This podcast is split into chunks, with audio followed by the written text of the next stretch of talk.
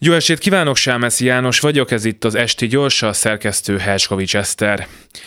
A gördülő sztrájk tovább gördült a címlapokról. A diák és pedagógus tüntetések helyét először a közmédia hm, blokkádja, majd a nagy semmi vette át, egy átlagos tanár pedig továbbra sem tud noár, ami a mozgalom neve, pulóvert venni a napi fizetéséből.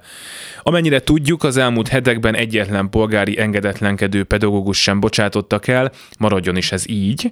Ezzel visszatért a világ a rendes kerékvágásba. A rendes kerékvágás viszont sajnos azt jelenti, hogy tanárokat nem rúgnak ki akkor sem, hogyha borzalmasan rossz tanárok.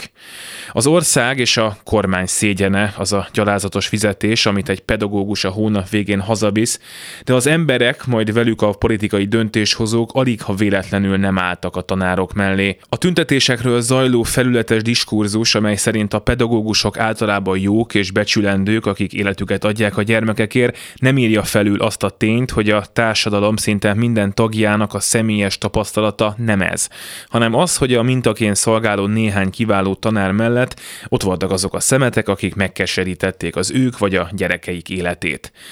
Ha én műsorvezetés helyett 50 percig hápognék, hogyha az autószerelő nem húzná meg elég erősen a kerekek csavarjait, ha a gyógymasször vállakat törne el, a mérnök által tervezett ház pedig darabjaira esne, akkor mi mind elveszítenénk az állásunkat.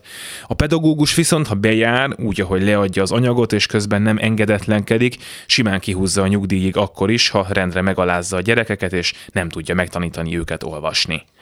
Mondjuk a nyugdíj az nem lesz magas.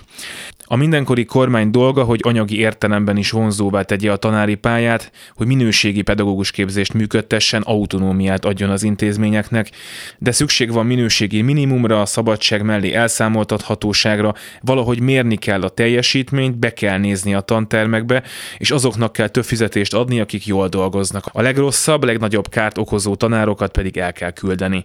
Ez az ország és a gyerekek érdeke, de nem minden tanári.